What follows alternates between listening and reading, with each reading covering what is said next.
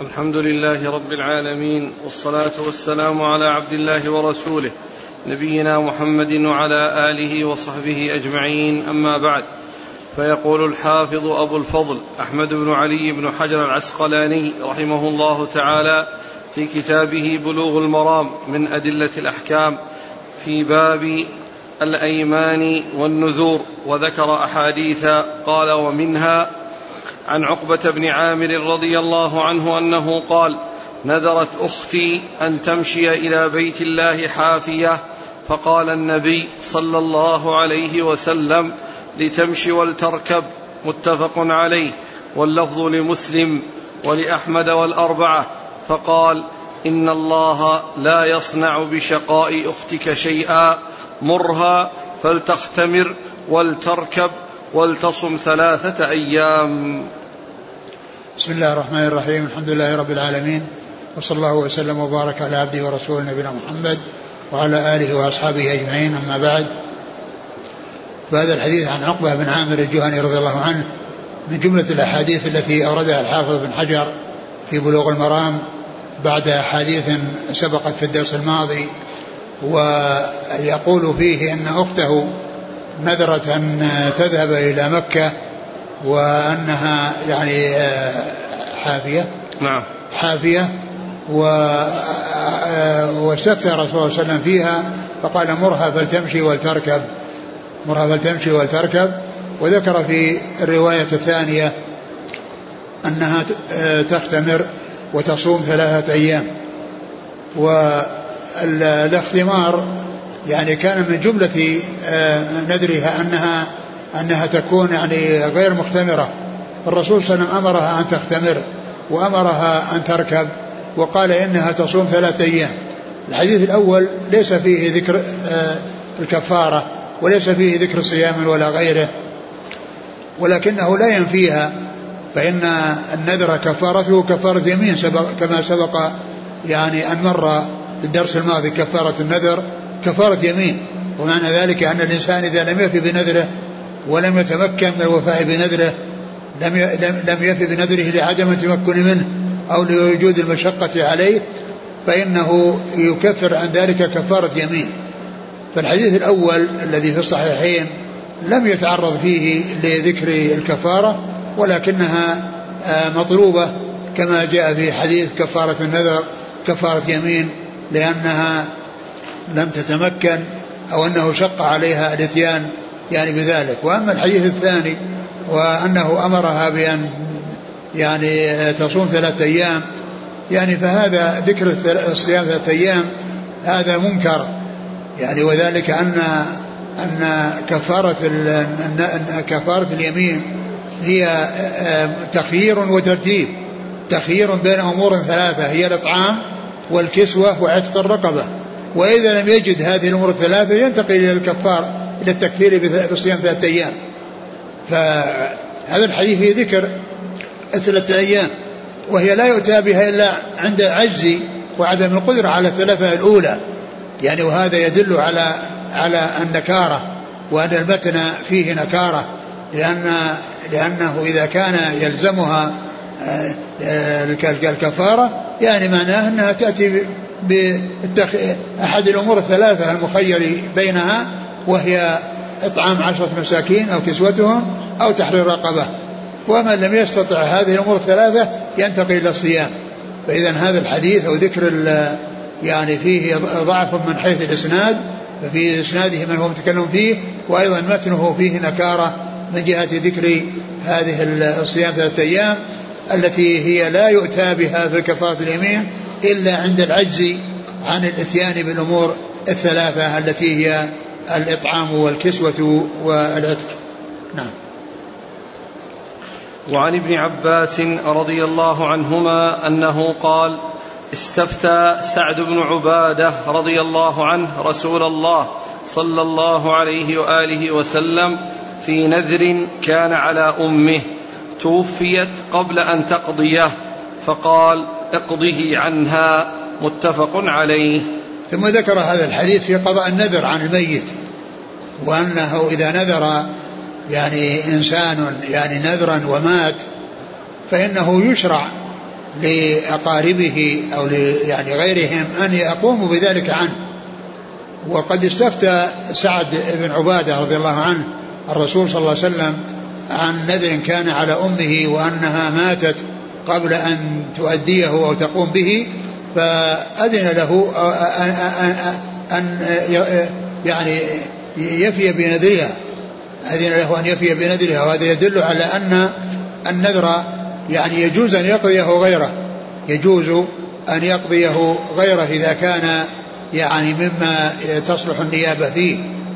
ف وقد جاء في بعض الروايات وهذا النذر لم يسمى وقد جاء في بعض الروايات عند النسائي أنها عتق. أن هذا الذي النذر عتق رقبة. وهذا يدل على أن الميت ينفعه يعني إذا نذر أن يفي بنذره غيره وأن يتولى ذلك غيره ولكنه لا يجب عليه. لا يلزم الإنسان أن يقوم بالوفاء بنذر الميت الذي مات من أقاربه. ليس ذلك واجبا عليه ولكنه مستحب. وعن ثابت بن الضحاك رضي الله عنه أنه قال نذر رجل على عهد رسول الله صلى الله عليه وآله وسلم أن ينحر إبلا ببوانة. فأتى رسول الله صلى الله عليه وآله وسلم فسأله فقال هل كان فيها وثن يعبد؟ قال لا. قال فهل كان فيها عيد من أعيادهم؟ فقال لا. فقال أوف بنذرك فإنه لا وفاء لنذر في معصية الله ولا في قطيعة رحم ولا فيما لا يملك ابن آدم. رواه أبو داود والطبراني واللفظ له وهو صحيح الإسناد وله شاهد من حديث كردم عند أحمد. ثم ذكر هذا الحديث عن الضحاك بن عن الضحاك بن عثمان. ثابت بن الضحاك. ثابت بن الضحاك رضي الله تعالى عنه أن رجلا نذر أن ينحر إبلا إبلا ببوانة. وبوانة هذا يعني مكان يعني قيل إنه يعني قريب من من من, من ينبع. قريب من من ينبع. فالرسول صلى الله عليه وسلم لما سأله قال هل فيها وثن من أوثان الجاهلية؟ يعني معناه أنك أنه موجود فيها وثن؟ يعني فيكون الإنسان إذا نذر إذا ذبح أو نحر فيه يعني يكون فيه مكان لوثن قال لا. قال هل فيها عيد من أعياد الجاهلية؟ قال لا. قال فأوفي بنذرك فإنه لا نذر في معصية الله ولا ولا فيما لا يملك ولا نعم. في قطع رحم ولا فيما لا يملك ابن آدم ولا فيما لا يملك ابن آدم. فالرسول عليه الصلاة والسلام استفسر منه يعني هذا المكان الذي أراد أن ينحر فيه هذه الإبل هل هو فيه يعني هل هو مكان ل يعني لوثن من أوثان الجاهلية أو عيد من أعياد الجاهلية؟ فلما أخبره فقال أوفي بنذرك أن ينحر في المكان الذي نذرت أن, أن, أن تنحر فيه. نعم. وعن جابر رضي الله عنه أن رجلا قال يوم الفتح يا رسول الله إني نذرت إن فتح الله عليك مكة أن أصلي في بيت المقدس. فقال صلها هنا. فسأله فقال صلها هنا. فسأله فقال شأنك إذا؟ رواه أحمد وأبو داود وصححه الحاكم. ثم ذكر هذا الحديث أن رجلا يعني يعني نذر فتح الله عليه مكة أن أن أن يذهب ان أن أصلي في بيت ان يصلي في بيت المقدس. أن يذهب إلى المقدس ويصلي فيه. فقال رسول الله صلي ها هنا. لأن يعني الصلاة في مكة أفضل من الصلاة في المقدس وأفضل من الصلاة في مسجد الرسول صلى الله عليه وسلم. وهذا يدلنا على أن الإنسان إذا نذر أن يصلي في مكان فاضل وكان يعني عنده أو كان في مكان هو أفضل منه فله أن يصلي فيه وأن ذلك يغني عنه ويكفي عنه ولا يلزمه. فلما كرر عليه قال شأنك إذا يعني معناه إذا إذا كنت عازم على أنك تريد أن تذهب لك أن تذهب. شأنك إذا لكنه أرشده إلى أنه يكفيه أن يصلي في المسجد الحرام وأن ذلك يعني يكون فيه الوفاء بالنذر. وهو يدل على أن الإنسان إذا نذر في مكان مفضول يعني الذي هو بيت المقدس وهو في مكة آه أنه يغنيه ويكفيه ويفي بنذره بأن يصلي في مكة. ف يعني فكونه يعني يكون عنده المكان الأفضل يعني يغنيه ويكفيه أن أن يصلي به. ولما أرشده الرسول صلى الله عليه وسلم إلى أنه يكفيه ولكنه كرر عليه قال شأنك إذا يعني لك أن تذهب ولك أن تسافر. ولك أن تسافر في المقدس وتصلي فيه لأنه من المساجد التي لا تشد الرحال إلا إليها. نعم. وعن أبي سعيد الخدري رضي الله عنه عن النبي صلى الله عليه وآله وسلم أنه قال لا تشد الرحال إلا إلى ثلاثة مساجد مسجد الحرام ومسجد الأقصى ومسجدي. متفق عليه واللفظ للبخاري. ثم ذكر هذا الحديث الذي فيه فضل هذه المساجد الثلاثة التي هي مساجد الأنبياء وقد بناها أنبياء فلها فضل ولها ميزة وافضلها المسجد الحرام ثم المسجد النبوي ثم المسجد الأقصى. فهذه الأماكن أو هذه البقع أو هذه المساجد هي التي تشد إليها الرحال. فلا تشد الرحال إلا إلى ثلاث مساجد. لا تشد الرحال للتقرب إلى الله عز وجل في بقعة وأن لها فضل ولها يعني قربة أو يتقرب إلى الله عز وجل في بقعه معينة لفضلها إنما هو في هذه الأمور الثلاثة أو هذه المساجد الثلاثة هي التي لا تشد الرحال إلا إليها. ويعني وليس المقصود ان أنه لا يشد الرحال إلا لمساجد إلا لهذه المساجد بل لأماكن يتقرب إلى الله عز وجل بها أو بقعة يتقرب على الله عز وجل بها إلا هذه المساجد الثلاثة. فالأمر يعني ليس مقصورا على الذهاب إلى مساجد وأن المساجد هي بل كذلك البقع لا يذهب للتقرب إلى الله عز وجل فيها والإتيان بعبادة فيها مشروعة إلا هذه المساجد الثلاثة. ولهذا لا تشد الرحال إلى زيارة القبور ولا تشد الرحال إلى يعني مكان يتعبد فيه لفضله يتعبد فيه لفضله ولميزته وإنما يعني شد الرحل يكون لهذه المساجد الثلاثة التي جاء آه، ذكرها في هذا الحديث عن رسول الله صلوات الله وسلامه وبركاته عليه. أما السفر لطلب العلم أو السفر لزيارة أقارب أو السفر لزيارة يعني آه، للسياحة أو ما إلى ذلك هذا شيء آخر. ولكن الممنوع أو الذي آه، هو التقرب إلى الله عز وجل في بقعة معينة آه، يعني لم يأتي فيها فضل ولها ميزة على غيرها إلا هذه المساجد الثلاثة التي فيها مساجد الأنبياء. فإن المسجد الحرام بناه إبراهيم عليه الصلاة والسلام والمسجد النبوي بناه نبينا محمد عليه الصلاة والسلام وأما بيت المقدس فقد جاء في الحديث أنه بني بعد المسجد الحرام بأربعين سنة وقد جاء أيضا في بعض الأحاديث أن سليمان بن داود بناه ولكن بناء سليمان تجديد لبنائه وليس ابتداء ويعني أنه هو أول من بناه لأن المدة التي بين بين إبراهيم وبين سليمان بن داود يعني مسافة مدة طويلة. وذلك أن سليمان بن داود وبعد موسى بعد موسى يعني بعد زمن موسى وهارون كما جاء ذلك مبينا في سورة البقرة.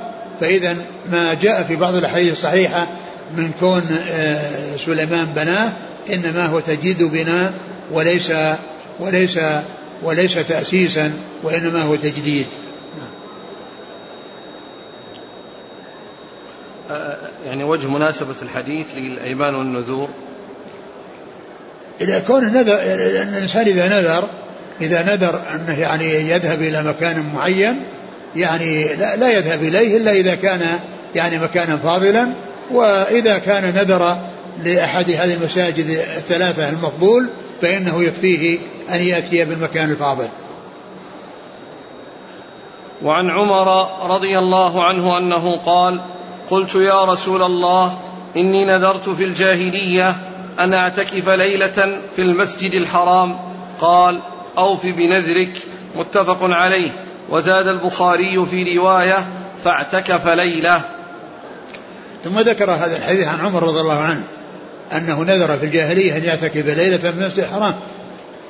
فاستفتى الرسول صلى الله عليه وسلم فأخبره بأنه يفي بنذره أرشده إلى أنه يفي بنذره. وقد وهذا يدل على أن العبادة يعني إذا يعني نذرها الكافر وأسلم فإنه يأتي بهذه العبادة فإنه يأتي يعني بهذه العبادة. وقد جاء في آه، يعني بعض الروايات أنها يوم وجاء في بعضها أنها ليلة وجاء في بعضها أنها يوم وليلة. والذي يظهر والله أعلم أن المدة يوم وليلة. فمن عبر بالليلة يعني مع يومها ومن عبر باليوم يعني مع ليلته. ومن عبر باليوم مع مع ليلته. ولهذا يأتي أحيانا ذكر الليالي ومعها الأيام وأحيانا يأتي ذكر الأيام ومعها الليالي مثل ما جاء في في في قصة زكريا عليه الصلاة والسلام آه، آه، ثلاث ليال سوية يعني مع, مع أيامها. ثلاثة أيام إلا رمزا يعني مع لياليها. ثلاثة أيام إلا رمزا مع لياليها. لأنه جاء أنها ثلاثة أيام وجاء أنها ثلاث ليالي والمقصود أن الليالي إذا جاءت فهي مع أيامها والأيام إذا جاءت فهي مع لياليها. فيكون الحديث والله أعلم كما جاء في بعض الروايات أنه يعني يوم وليلة. فيكون آه، ذكر اليوم يعني مع ليلته أو ذكر الليلة مع مع مع يومها. إذا الكافر عليه أن يوفي بنذره. الرسول صلى الله عليه وسلم أرشده بأن يوفي بنذره ما دام أنها عبادة يعني آه، نذرها وأسلم فإنه يأتي بها في حال إسلامه. لكن لو أتى بها في حال كفره فإنها لا تنفعه وقدمنا إلى ما عمل عملوا من عمل فجعلناه هباء منثورا. هل يستفاد منه أن الاعتكاف لا يشترط فيه الصيام؟ بعض العلماء قال هذا. يعني لكن يعني إذا كان أن أن المقصود به أن يعني الليل ليس محل صيام. لكنه على القول أو على ما جاء في بعض الروايات يوم وليلة وأن اليوم تكون مع ليلته أو الليلة مع يومها أنه يعني اليوم في صيام. لكنه يعني ليس بلازم يعني أن الإنسان يعني إذا اعتكف يعني أن يعتكف يعني يعني مدة معينة أنه يكون معها صيام ليس بلازم. قال رحمه الله تعالى كتاب القضاء. عن بريدة رضي الله عنه أنه قال قال رسول الله صلى الله عليه وآله وسلم القضاة ثلاثة اثنان في النار وواحد في الجنة. رجل عرف الحق فقضى به فهو في الجنة ورجل عرف الحق فلم يقض به وجار في الحكم فهو في النار ورجل لم يعرف الحق فقضى للناس على جهل فهو في النار. رواه الأربعة وصححه الحاكم. ثم ذكر بعد كتاب الأيمان والنذور كتاب القضاء. والقضاء هو الإخبار بالحق مع الإلزام به. القضاء هو فصل الخصومات بين المتنازعين وهو يعني والفرق بينه وبين الإفتاء أن القضاء إخبار بالحق مع الإلزام به والإفتاء إخبار بالحق من غير إلزام به. المفتي يسأل فيجيب. يعني هل ينفذ أو ما ينفذ السائل؟ هذا شيء آخر ما له دخل فيه. ولكن القاضي يلزم يعني يفصل ويلزم بما قضى به. فإذا القضاء والإفتاء الفرق بينهما أن القضاء إخبار بالحق مع الإلزام به والإفتاء إخبار بالحق من غير إلزام به. ثم ذكر يعني هذا الحديث أن أن القضاة ثلاثة. قاض في الجنة وقاضيان في النار. القاضي الذي عرف الحق وقضى به فهو الجنة ومن عرف الحق وقضى بخلافه مع علمه به فهو في النار. وكذلك الذي ليس عنده علم بالحق وإنما هو جاهل ويعني قضى بين الناس وهو جاهل فإن هذا في النار. وذلك أنه قضى بجهل ولم يقضي بعلم. وحتى لو وافق يعني قضاؤه الحق فإنه لا يعتبر لأن لأن لأنه كما كما يقول اتفاقا أو يقال رمية من غير رامي.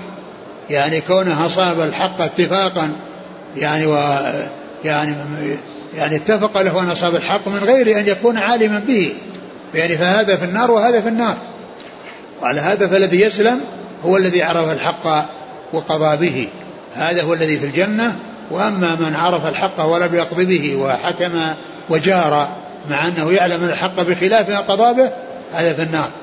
ومن حكم ومن قضى بين الناس بجهل فإن أنه في النار ولا يفيده ذلك ولا ينفذ حكمه حتى ولو كان يعني صوابا لأنه لأن الإصابة اتفاقية وليست يعني يعني مبنية على علم.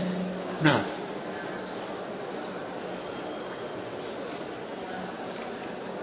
وعن أبي هريرة رضي الله عنه أنه قال قال رسول الله صلى الله عليه وآله وسلم من ولي القضاء فقد ذبح بغير سكين رواه أحمد والأربعة وصححه ابن خزيمة وابن حبان. ثم ذكر هذا الحديث الذي في خطورة القضاء. وأن من ولي القضاء فقد ذبح بغير سكين. يعني معناه انه يعني معناه هلك وحصل له الهلاك. وهذا هو المقصود بكونه بغير سكين. يعني معناه ان أنه يعني يعني الأصل والمشهور أن الذبح يكون بالسكين. لكن ليس هذا ذبح يعني من هذا النوع وإنما هو هلاك لذلك الذي ولي القضاء وذلك أنه يحصل له يعني أن آه، يبتلى بهذا أو يعني يقع يعني في هذا ولكنه إذا اجتهد وبذل وسعه فإنه يحصل أجرين. وإن اجتهد وأخطأ فإنه يحصل أجرا واحدا كما سيأتي. ولكن هذا بيان خطورة القضاء وأن الإنسان لا يحرص عليه ولا يطلبه وإذا يعني وكل إليه وكان الأمر يعني يعني متعينا عليه فإنه آه، يقدم عليه وهو مأجور على كل حال والناس لا بد لهم من يقضي بينهم ولكن الإنسان إذا وجد مندوحة وجد سلامة وأن غيره يكفيه فإن هذا يعني يعني له ذلك. ولكن آه، هذا الحديث يدل على خطورة القضاء وعلى أن صاحبه موصوف بهذا الوصف. الذي أنه ذبح بغير سكين. وعنه رضي الله عنه قال قال رسول الله صلى الله عليه وآله وسلم إنكم ستحرصون على الإمارة وستكون ندامة يوم القيامة فنعم المرضعة وبئست الفاطمة رواه البخاري. ثم ذكر هذا الحديث في الحرص على الإمارة والحرص على الولاية ويعني سواء كانت هذه الولاية يعني آه فيها جمع بين القضاء والإلزام أو أنها يعني قضاء يعني فقط أو أنها يعني إمارة فقط يعني وهي تنفيذ مهمتها تنفيذ الأحكام الشرعية وتنفيذ يعني ما يقضي به القاضي. يعني كل ذلك أخبر الرسول صلى الله عليه وسلم أنه يعني سيوجد وأنه سيحصل الحرص على الإمارة والولاية والزعامة و, و وأنها ستكون ندامة, ندامة يوم القيامة. يعني الإنسان يعني عندما يعني يحرص على الإمارة ويحصلها والولاية ويحصلها وكذلك القضاء فيعني فإنه يعني يحصل فيه ندامة. وقال نعمة المرضعة وبئست الفاطمة. نعمة المرضعة في الدنيا لأن فيها شهرة وفيها يعني آه، ولاء بروز واشتهار وفيها يعني يعني إنه يشار إلى صاحبها بالبنان ويكون له منزلة وله احترام وتوقير وبئست الفاطمة يعني يوم القيامة عندما يجازى الإنسان ويعني يحاسب على ما حصل له في عمله فإن ذلك يعني يعود عليه بمضرة. وعن عمرو بن العاص رضي الله عنه أنه سمع رسول الله صلى الله عليه وآله وسلم يقول إذا حكم الحاكم فاجتهد ثم أصاب فله أجران وإذا حكم فاجتهد ثم أخطأ فله أجر. متفق عليه. ثم ذكر هذا الحديث عن رسول الله صلى الله عليه وسلم إذا حكم الحاكم فاجتهد فأصاب فله أجران. معلوم أن الاجتهاد قبل الحكم. الإنسان يجتهد ثم يحكم. وهنا ذكر الحكم قبل الاجتهاد. فإذا يفسر الحكم هنا بإرادة الحكم وليس الحكم. يعني إذا أراد أن يحكم فاجتهد. أراد أن يحكم فاجتهد. إذا هذا هو معنى حكم. ليس معنى ذلك أنه وجد من التنفيذ. يعني قبل الاجتهاد فإن الاجتهاد يسبق التنفيذ ويسبق الحكم. ولكن المقصود هنا إرادة الحكم. إذا أراد الحكم فاجتهد فأصاب فله أجران.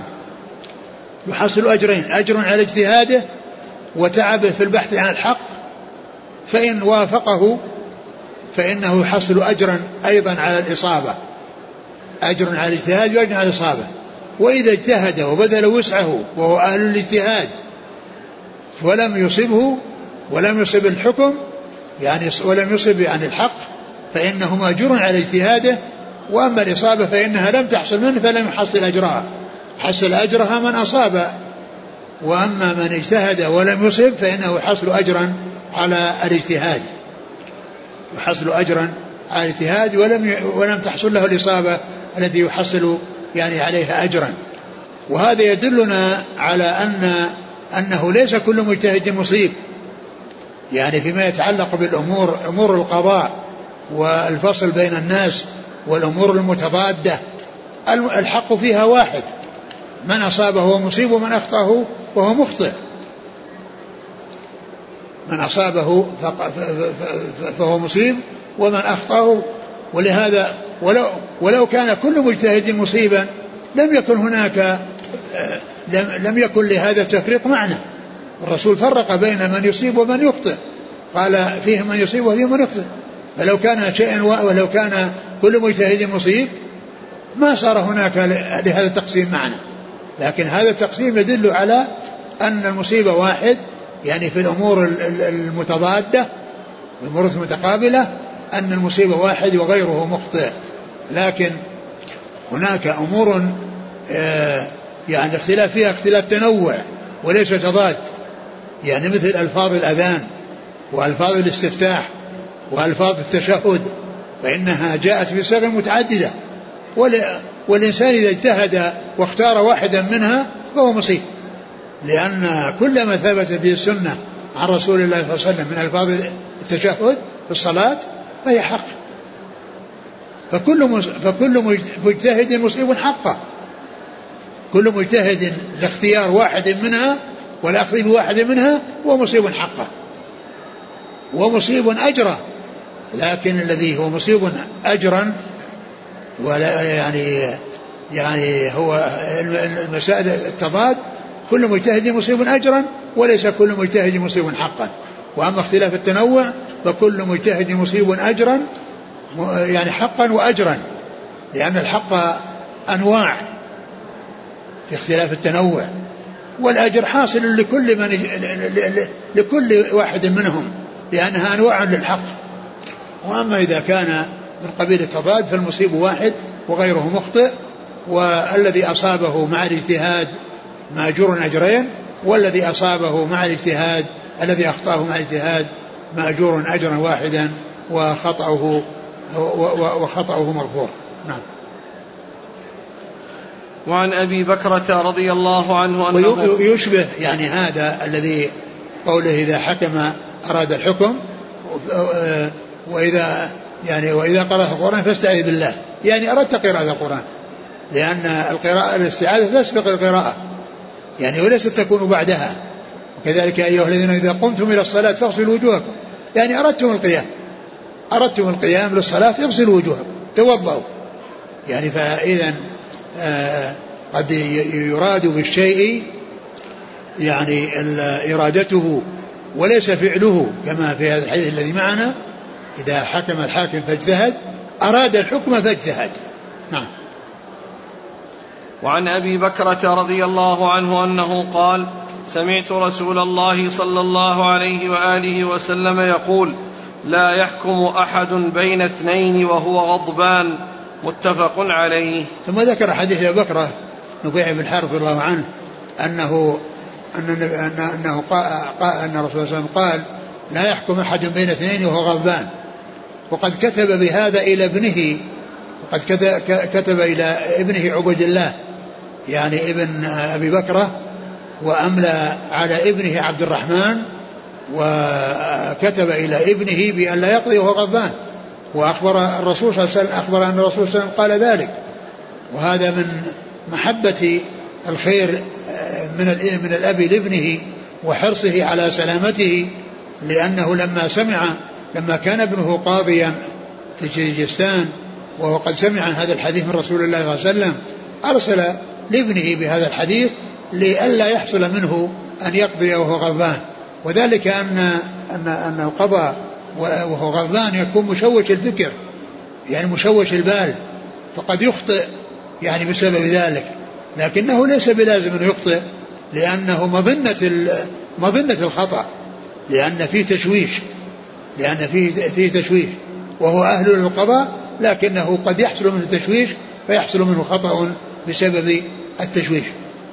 وهذا يدل على أن القاضي عندما يقضي يعني لا يكون يعني آآ آآ له ظرف يعني هو متأثر فيه مشغول البال مهموم يعني يعني في يعني عنده غضب يعني أزعجه وأفزعه.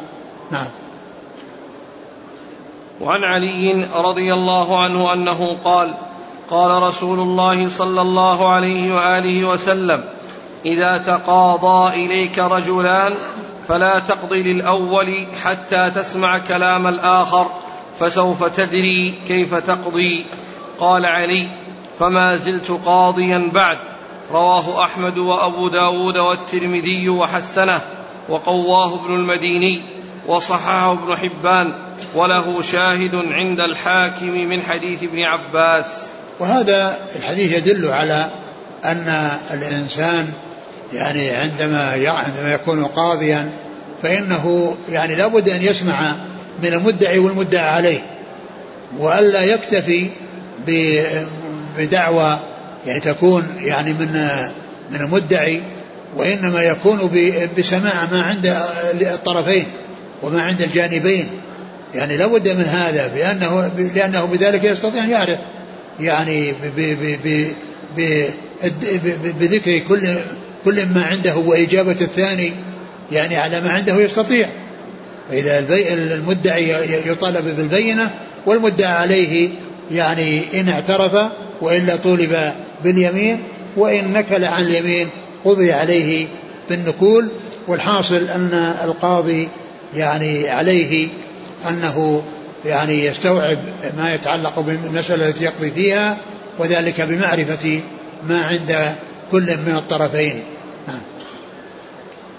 وعن أم سلمة رضي الله عنها أنها قالت قال رسول الله صلى الله عليه وآله وسلم إنكم تختصمون إلي ولعل بعضكم أن يكون ألحن بحجته من بعض فأقضي له على نحو مما أسمع منه فمن قطعت له من حق أخيه شيئا فإنما أقطع له قطعة من النار متفق عليه.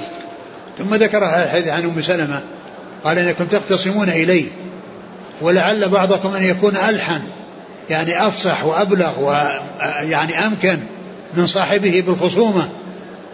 فيعني فقد وهو وهو يقضي على نحو ما يسمع. لكنه عليه الصلاة والسلام أخبر بأن قضاء القاضي إذا كان آه، أحد الطرفين يعلم بأنه مبطل فإن حكم القاضي لا يحل ما كان حراما. فالحرام حرام والقاضي لا يعلم الغيب. القاضي لا يعلم الغيب يقضي على نحو ما يسمع.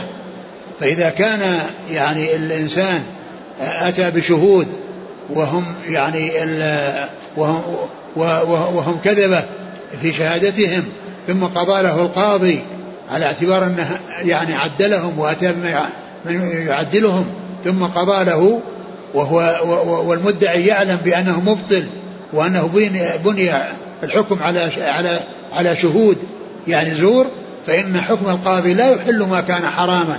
الحرام حرام ولا يحله حكم القاضي على حسب ما ظهر له على حسب ما ظهره من من من الدعاوى والبينات وما يجري بين الخصمين. وهذا يدلنا على أن الرسول صلى الله عليه وسلم لا يعلم الغيب على الإطلاق. علم الغيب لا يعلمه إلا الله سبحانه وتعالى هو الذي يعلم الغيب على الإطلاق.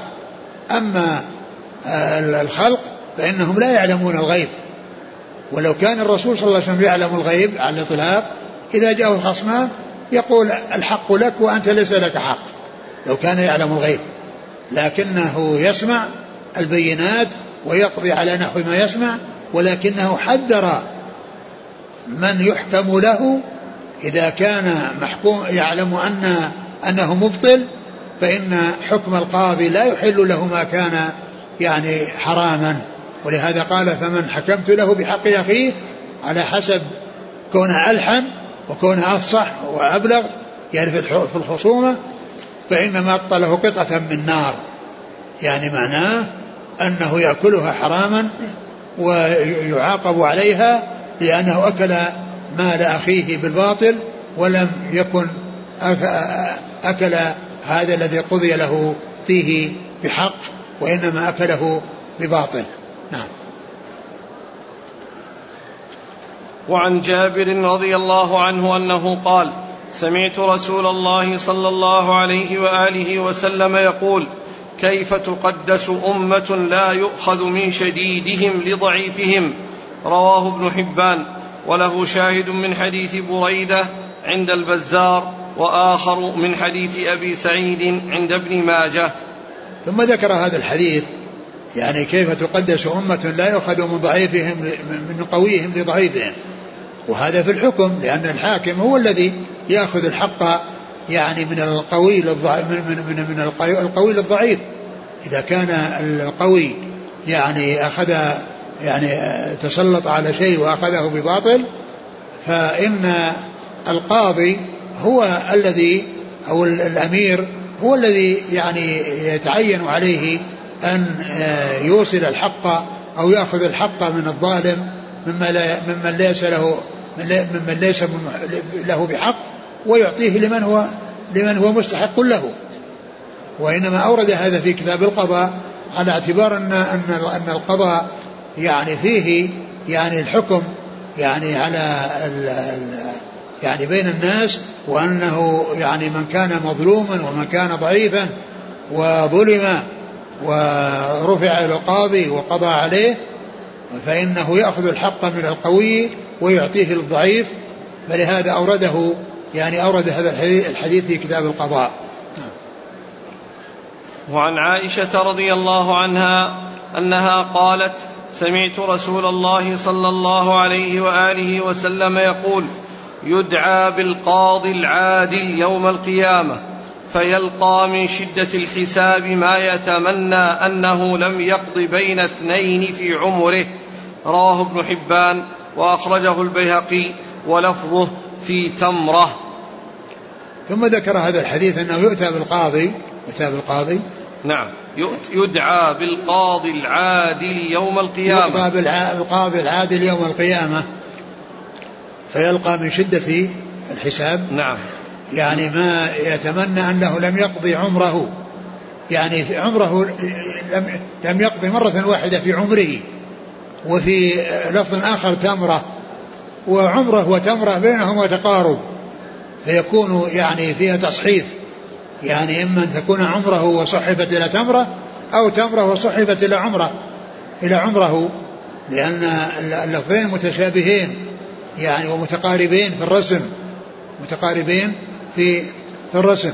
فهذا يدل على أن من نوقش الحساب ومن شدد عليه في الحساب أنه يعني يحصل له ذلك ويتمنى أنه لم يقضي بين يعني اثنين بتمرة يعني أنهم يختصمون على تمرة أو أنه لم يحصل أنه قضى في عمره وتولى القضاء مدة عمره أي أي وقت من عمره يتمنى يتمنى ذلك.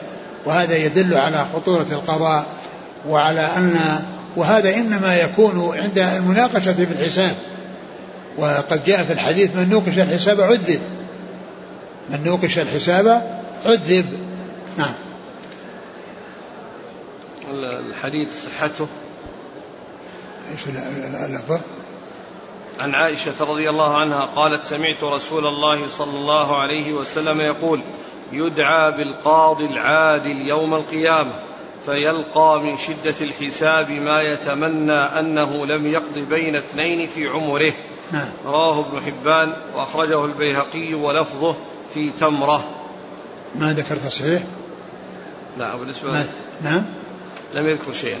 نعم. إنما في الحاشية الشيخ الألباني ضعفه قال وفيه علتان السلسلة الضعيفة 1142 نعم. وعن أبي بكرة رضي الله عنه عن النبي صلى الله عليه وآله وسلم أنه قال لن يفلح قوم ولوا أمرهم امرأة. رواه البخاري. وهذا الحديث يدل على أن النساء يعني لسن أهلا للحكم وليس أهلا للقضاء ولسن أهلا للولاية. يعني لا ولاية الإمارة ولا ولاية القضاء ولا يعني الإمارة سواء كانت صغيرة أو كبيرة. يعني الولاية العظمى أو ولاية دونها كأن تكون يعني أميرة على منطقة أو أميرة على قرية. ليس هذا من شأن النساء. ولهذا قال صاحب المغني وكانت وفاته سنة 620 يعني في القرن السابع أنه قال لم يعرف في تاريخ الإسلام أن امرأة يعني تولت يعني يعني ولاية يعني ولو كان ذلك موجودا لعرف يعني لو كان هناك موجود أن النساء يتولين على الرجال يعني في إمارات يعني صغيرة أو كبيرة لا لا يعني لنقل ولكنه لم ينقل يعني شيء من ذلك. ما يدل على أن النساء لسنا أهلا للولاية لا للقضاء ولا للإمارة لا العظمى ولا الولاية على منطقة أو على قرية أو على مدينة فإن النساء لا تكون مراجع للرجال وإنما تكون نساء مراجع للنساء. وتكون مديرة مدرسة يعني مدرسة للبنات يعني يتولاها امرأة. وأما كونها يكون ولاية على الرجال بأن تكون يعني آه يعني أميرة أمارة عامة أو خاصة أو وزيرة بأن تكون مرجعا للرجال فهذا يعني ليس هذا من شأن النساء وإن هذا وإنما هذا من شأن الرجال. فقد أورد آه، ابن حجر رحمه الله هذا الحديث في كتاب القضاء يعني مبينا على أن المرأة يعني ليست أهل القضاء وأنها لا تولى يعني لا تولى القضاء. نعم. وعن أبي مريم الأزدي رضي الله عنه عن النبي صلى الله عليه وآله وسلم أنه قال من ولاه الله شيئا من أمر المسلمين فاحتجب عن حاجتهم وفقيرهم احتجب الله دون حاجته أخرجه أبو داود والترمذي. ثم ذكر هذا الحديث يعني الذي يدل على أن الإنسان إذا كان أميرا أو قاضيا أنه لا يحتجب عن الناس. وإنما عليه أن يبذل نفسه للناس وأن يعني يفتح بابه للناس يعني حتى يعني يقوم بما يلزم لهم و يعني ف ولهذا جاء يعني ذكر يعني الحافظ بن رجب في كتابه ذي طبقات الحنابلة في ترجمة المعمر بن علي البغدادي وكانت وفاته سنة 507 من الهجرة.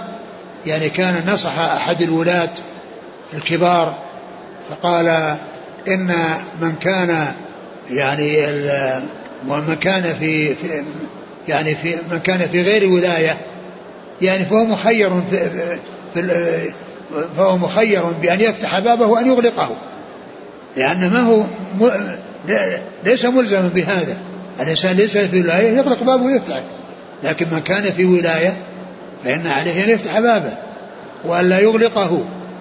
قال من كان يعني في ولاية فليس مخيرا يعني في الواصل يعني إن شاء فتح وإن شاء أغلق. وبخلاف من كان ليس في ولاية فله أن يغلق بابه وله أن يفتحه. ثم قال يعني في وصيته له قال لأن من كان على الخليقة أمير فهو في الحقيقة أجير. قد باع زمنه وأخذ ثمنه. قد باع زمنه وأخذ ثمنه. ليس له أن يتصرف في نهاره. ما يتكون يتصرف باختياره. يعني في نهاره. ولا أن يدخل معتكفا. ولا أن يصلي نفلا. لأن هذا لأن هذا ندب وذاك واجب. ولا يتشاغل بالنفل عن الواجب. لا يتشاغل بالنوافل. عن عن الواجب. قال لا يدخل معتكفا ولا يصلي نفلا يشغل نفسه بالصلاة ويترك الناس الذين هو الذي هو مسؤول عنهم. ثم قال له اعمر قبرك كما عمرت قصرك. اعمر قبرك كما عمرت قصرك. الحاصل أنه ذكر أن الإنسان الذي في ولاية انه ليس مخيرا في الوافد بين أن يفتح وأن يغلق الباب وإنما ملزم فتح الباب. بخلاف من لم يكن في الولاية فهذا يعني أمير نفسه له أن يفتح ولا أن يغلق. قال لأن من كان على الخليقة أمير فهو في الحقيقة أجير. قد باع زمنه وأخذ ثمنه. يعني زمن مو له مو ملك له ملك غيره. فليس له أن يتصرف في نهاره يعني باختياره ليس له أن يتصرف في نهاره يعني ما يكون باختياره وإنما يعني آه، زمانه ليس له وليس له أن يصلي نفلا ولا يدخل معتكفا. نعم. من والله الله شيئا من أمر المسلمين فاحتجب عن حاجته يعني سواء كان قاضيا أو أميرا أو غير ذلك. نعم. فاحتجب عن حاجتهم وفقيرهم. احتجب الله دون حاجته. نعم. يعني الجزاء من جنس العمل. نعم.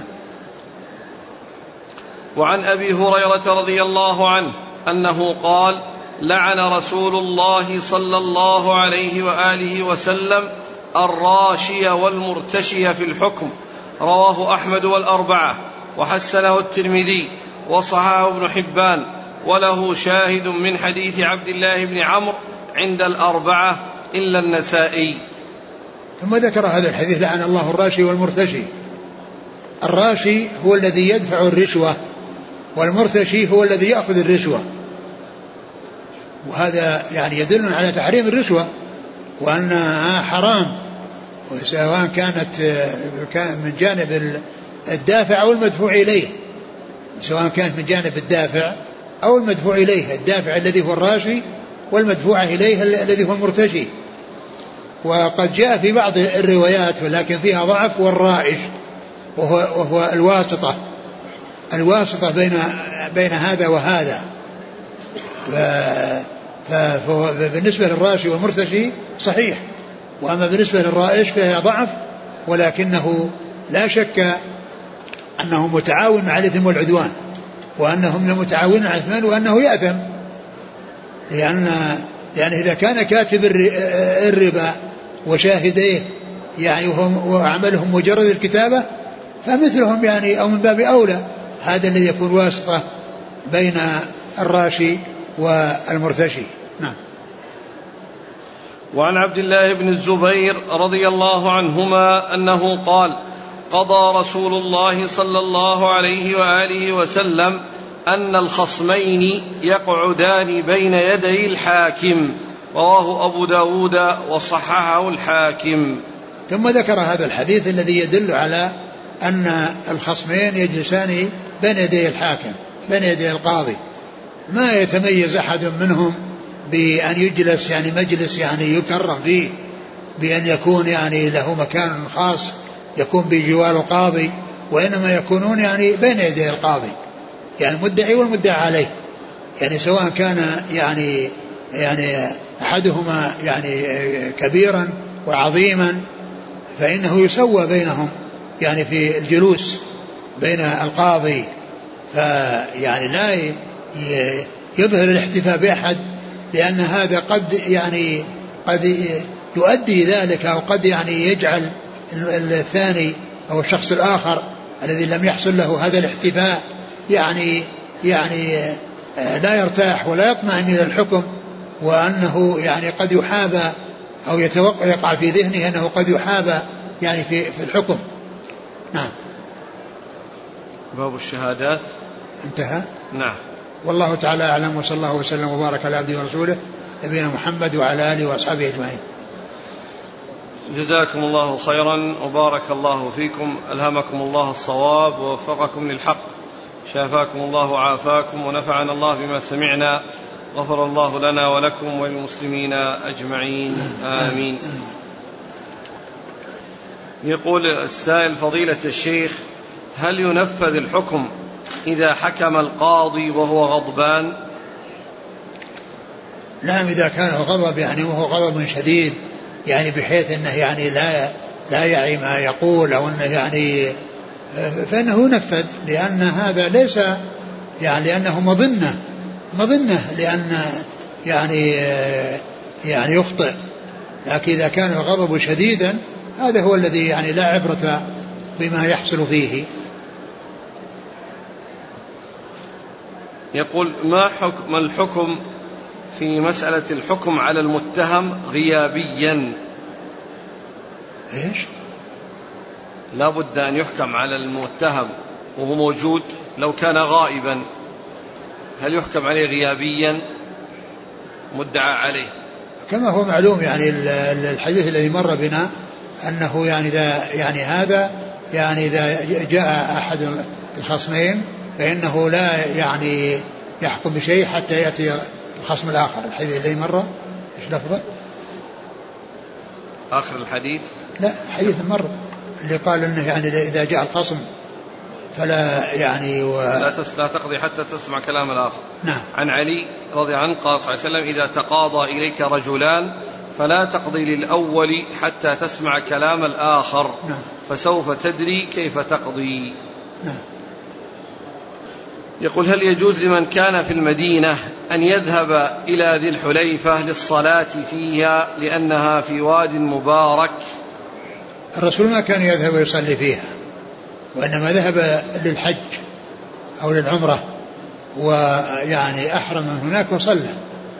والإنسان يعني ليس له أن يذهب إلى الوادي يعني ويصلي فيه يعني يقصده وإنما قصده أو الصلاة فيه في حق من كان يعني يريد حجا عمرة. ولهذا الرسول صلى الله عليه وسلم قال إنه أتاني ليلة آت وكان في ذي الحليفة يريد أن يذهب وللحج فقال أتاني الليلة آت فقال يعني إنك في وادي مبارك قال صلي في هذا الوادي. صلي في هذا, صلي في هذا الوادي المبارك. يقول أحسن الله إليكم إذا مات للإنسان قريب له فهل له السفر وأن يشد الرحل للصلاة عليه؟ نعم له ذلك. له أن يسافر للتعزية وله أن يسافر لحضور الجنازة والصلاة عليه. نعم يقول إذا نذر الإنسان أن يذبح شاة مثلا. فذبح مكانها بقرة. هل تجزئه؟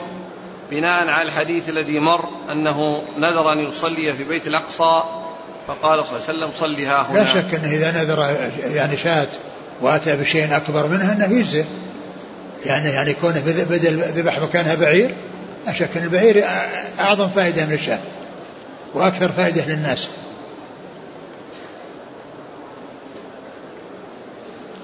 يقول هل ساحات المسجد النبوي لها حكم المسجد؟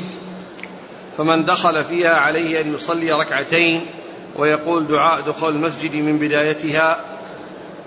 المسجد النبوي آه، الأسوار والأبواب التي في الأسوار هذه حد المسجد النبوي. لأن الأسوار ما كان داخلها مسجد وما كان خارجها شارع. لا يقال أن الساحات شارع. وإنما الساحات مسجد. وإذا دخل الإنسان مع مع مع الباب الذي في الس في ال يعني في الخارج هذا الذي فيه الحديد فإنه يعني فإنه يعتبر دخل المسجد. يعني يأتي بالدعاء عند الدخول وعند الخروج هناك. وكذلك إذا يعني صلى فيه فإن الصلاة فيه يعني مضاعفة. يعني يقال داخل إنه من المسجد. ولكن الحمامات التي هي موجودة في داخل المسجد يعني في الأرض فالإنسان إذا دخلها يعتبر خرج خرج المسجد. وكذلك الذي يعني المرأة إذا كانت حائضا لها أن تدخل مارة وتنزل الحمامات وإذا بقيت في الحمامات ما في بأس لأنها ليست مسجد. ولكن لا يجوز لها أن تدخل تكون في الساحات. نعم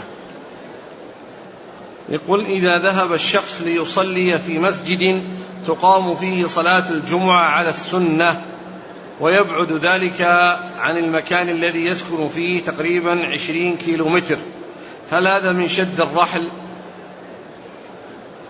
الإنسان آه، يعني أولا عشرين متر أو ما إلى ذلك يعني عشرين إيش؟ عشرين كيلو, كيلو متر عشرين كيلو متر يعني هذه لا يقال لها سفر. لا يقال لها سفر. يعني فليس فيها سفر. ولكن يعني كون الإنسان يعني إذا كان ما هناك مسجد يعني على السنة وسليم من البدع عليهم أن يوجدوا مسجدا آخر يعني أهل السنة في المكان الذي هم فيه حتى لا يحتاجوا إلى أن يذهبوا إلى ذلك المكان. يقول إذا كان الرجل لا يستطيع أن يصل لأخذ حقه إلا بالرشوة مع العلم بأن في دفعه للرشوة عدم إضرار في حق الآخرين فما حكم دفعها؟ دفع الرشوة لا يجوز. يعني لا يجوز الإنسان يدفع الرشوة من أجل أن يعني يعني آه، يصل يعني إلى إلى شيء. لكن إذا كان إذا كان أحد آه، يأخذ الرشوة وألزمه وطلب الرشوة فإن عليه أن يرفع شأنه إلى من فوقه. وأما إذا كان يعني آه، ليس هناك أحد ينصفه ولو آه، لم يدفع شيئا فإنه سيتضرر وسيضيع عليه حقه فإن له أن يعطي شيء من أجل يتخلص. لأن هذا مضطر إلى مضطر إلى هذا الفعل. ولو لم يفعل ما دام أنه ليس هناك أحد يوقف عند حده وقد يكون الذي أعلى منه أسوأ منه. قد يكون الذي أعلى منه أسوأ منه. فمثل هذا إذا دفع شيئا وهو محق ولكنه أراد أن لا يحصل له الضرر ولا يضيع عليه حقه ولا يتأخر عليه حقه ودفع شيء مضطرا إلى ذلك وهو لم يتمكن من آه من آه لم لم يجد أحدا آه ينصفه ويرفع الأمر إليه فله عند هذه الحال وهو مضطر إلى هذا. هذا مثل هذا مثل يعني اللصوص إذا أخذوا من إنسان يعني يعني يعني ماله وأرادوا أن يعطوه بعض حقه يأخذ بعض حقه. صلى الله إليك الآن مر معنا بأن الولد يفي بنذر أبيه أو والده مثل سعد بن لكن لا يجب. نعم. نعم. يقول السائل إذا كان الذي نذر والده الكافر مات ولم يسلم فهل للولد المسلم أن يقضي نذر أبيه الكافر؟ لا يفيده شيئا لأن الكافر يعني لا يفيده عمل ما دام أنه مات على الكفر فيعني فلا يعني فلا يقضي وإنما يقضي للمسلم. يعني يقضي النذر للمسلم يقول من نذر الصلاة في مسجد في نفس مدينته أو قريته ولا يحتاج إلى شد الرحل فما حكم ذلك النذر والوفاء به؟ له له أن يذهب له أن يذهب.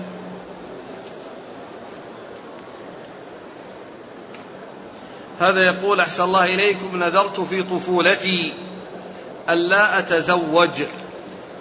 ظنا مني أن ترك الزواج طاعة لله. فماذا علي؟ إذا كان قبل البلوغ ليس عليه شيء مرفوع عن القلم. وإذا كان بعد البلوغ فعليه كفارة يمين. يتزوج ويكفر عن يمينه نعم. هذا أخونا الزائر عنده سؤال خاص به يقول بأن له أخ كان في الخدمة الوطنية أصيب بمرض عقلي فتكلف بمرضه والذهاب به إلى المستشفيات والأدوية ولم يكن يعلم بأن الدولة الآن تصرف له مبلغ مالي. يسأل يقول الآن هذا المبلغ الراتب الذي ينزل له شهريا هل لي أن آخذ هذا الراتب؟ عوضا عن تلك التكاليف؟ أعد السؤال. يقول له أخ في الخدمة الوطنية أصيب بمرض عقلي. يقول وأنا الذي تكلفت به منذ مرض. ثم بعد زمن اكتشفت بأن الدولة تصرف له مبلغا ماليا. بما أنني كنت أنا المتكلف ومتكفل به آخذه إلى المستشفيات فهل لي أن آخذ من هذا الراتب مع العلم بأن المريض له أخوات. إذا كنت يعني حصل منك أن دفعت هذا المبلغ متبرع وأنك يعني تفضلت عليه وأحسنت إليه ف يعني فأجرك على الله وتمم إحسانك وابقى على على إحسانك. ما نعم؟ إيش تقول؟ نعم نعم. آه، أقول إذا كنت أعطيته على اعتبار أنك أن ترجو الثواب من الله عز وجل وأحسنت إليه والله تعالى يثيبك وخليك على إحسانك وهذا المبلغ الذي يعطى إياه يحتفظ به له للإنفاق عليه. جزاك الله خيرا. يقول هل يشترط في أداء العمرة عن الحي العاجز؟ بأن يخبر بأداء العمرة عنه. ليس بلازم. لكنه إذا أخبر طيب ولكنه ليس بلازم. لو اعتمر عنه ولم يخبره فإن ذلك يصح.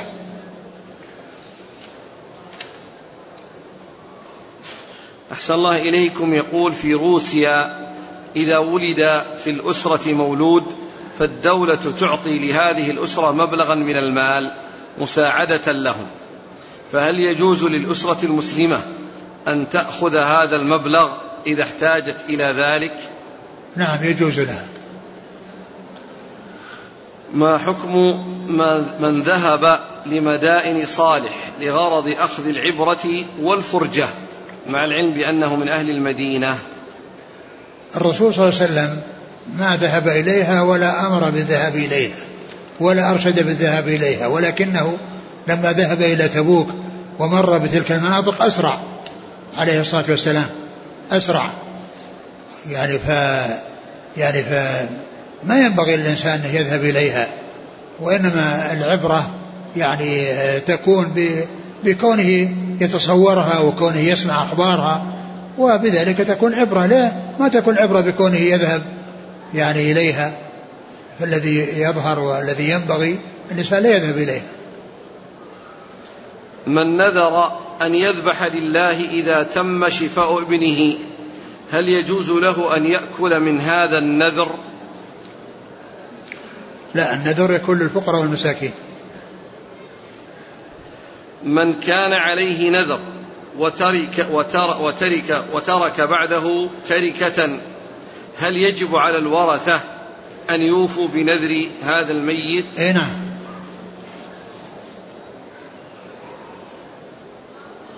يقول شيخنا الفاضل هل صح أن الإمام مالك رحمه الله كان لا يركب الدابة في المدينة من شدة حيائه؟ والله ما لا أعرف شيئا عن ذلك. يقول أخبر الله تعالى أن الأنبياء بعد موسى عليه الصلاة والسلام والرسول صلى الله عليه وسلم كان يركب في هذه المدينة.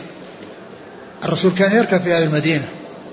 وقد زار لما زار سعد بن عبادة كان راكبا عليه الصلاة والسلام. أخبر الله أن الأنبياء بعد موسى عليه الصلاة والسلام كانوا يحكمون بالتوراة.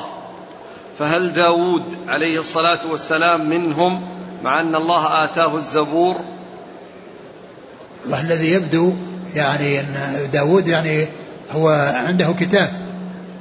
منصوصا عليه. يعني الله تعالى أعطاه الزبور وأنزل عليه هذا الكتاب. فلا يقال أنه يحكم بالتوراة وإنما يحكم بالتوراة أنبياء. لكن يعني لا يلزم أن أن كل من جاء بعد حتى عيسى جاء بعده يحكم بالإنجيل. يعني يعني داود مثل مثل عيسى. يعني عيسى يحكم بالإنجيل وهذا يحكم بالزبور الذي أنزله الله عليه. وإنما المقصود يعني بقول الأنبياء يعني أن يحكم بها يحكم بها النبي نزل التوراة فيها هدى ونور يحكم بها النبيون الذين أسلموا. يعني فهذا يعني يفيد أن الأنبياء كانوا يحكم بالتوراة. لكن لا يعني ذلك أن كل من جاء بعد موسى يحكم بالتوراة لأن عيسى يحكم بالإنجيل وداود يحكم بالزبور وداود بعد بعد موسى. أو يقال الآية في النبيين. ها؟ ليسوا في الرسل الآية. أيوة. يحكم بها النبيون. أي نعم أما داود رسول. داود رسول نعم. فالآية وعيسى رسول. ها؟ الآية إذا ذكرت النبيين هم الذين يحكمون. نعم صح. أما الرسل لا. نعم نعم, نعم هو رسول نعم. أحسن الله إليك. يقول من هم الأقارب؟ الذين يشرع لهم الوفاء بنذر ميتهم. ولا أي قريب منهم؟ أي قريب أي قريب؟ وحتى غير القريب يعني لو فعل ذلك ما في بأس. من عجز عن الصيام في رمضان فإنه يطعم. فما مقدار الإطعام؟ وهل يخرجه مطبوخا أو نيئا؟ وهل يكون معه إدام أم الذي لا الذي عجز عن الصيام لكبره أو لمرضه الذي لا يرجى برؤه فإنه يطعم عن كل يوم مسكين. والمسكين يعني مقدار نصف صاع عن كل مسكين. نصف صاع عن كل مسكين. وإذا يعني يعني دفعه يعني يعني حبوب أو دفعه أو, طعام أو جمع أناس وقدم لهم طعاما مطبوخا وكل ذلك يحصل به الإطعام. يقول أحسن الله إليك هل خال الأم محرم للبنت؟ وما القاعدة في ذلك؟ أعني لبنتها بنت الأم. إيش؟ هل خال الأم أيوة. محرم لبنتها؟ وما القاعدة؟ يعني من كان خالا لأمك فهو خال فهو, فهو خال لبنيها وبناتها. يعني من كان يعني خالا لأمك وهو خال لك. يعني خال لبنته ولبنيه. كلهم يعتبر خال لهم. وإن نزل. وإن نزل نعم. يقول هل يجوز للقائمين على المسجد أن يعطوا أن يعطوا فراش المسجد القديم لمصلى في ثانوية الأولى أن يكون يعني من مسجد إلى مسجد وإن وضع في مصلى المصلى أقل من المسجد استعمال يعني لا يصلى فيه إلا يعني وقت يعني وقت من الأوقات لكن كونه يعطى لمن يحتاج إليه ما يحتاج إليه من المساجد هو هو الذي ينبغي. سؤاله الثاني يقول رجل نوى نوى أن يتصدق بفراش للمسجد. وأبلغ أهل المسجد ثم حصل بينهم خلاف بينه وبين القائمين على المسجد فغير نيته وأراد أن يوقفه على مسجد آخر. هل له يجوز تغيير النية؟ له ذلك لكن الأولى له أنه يحقق ما نواه أولا.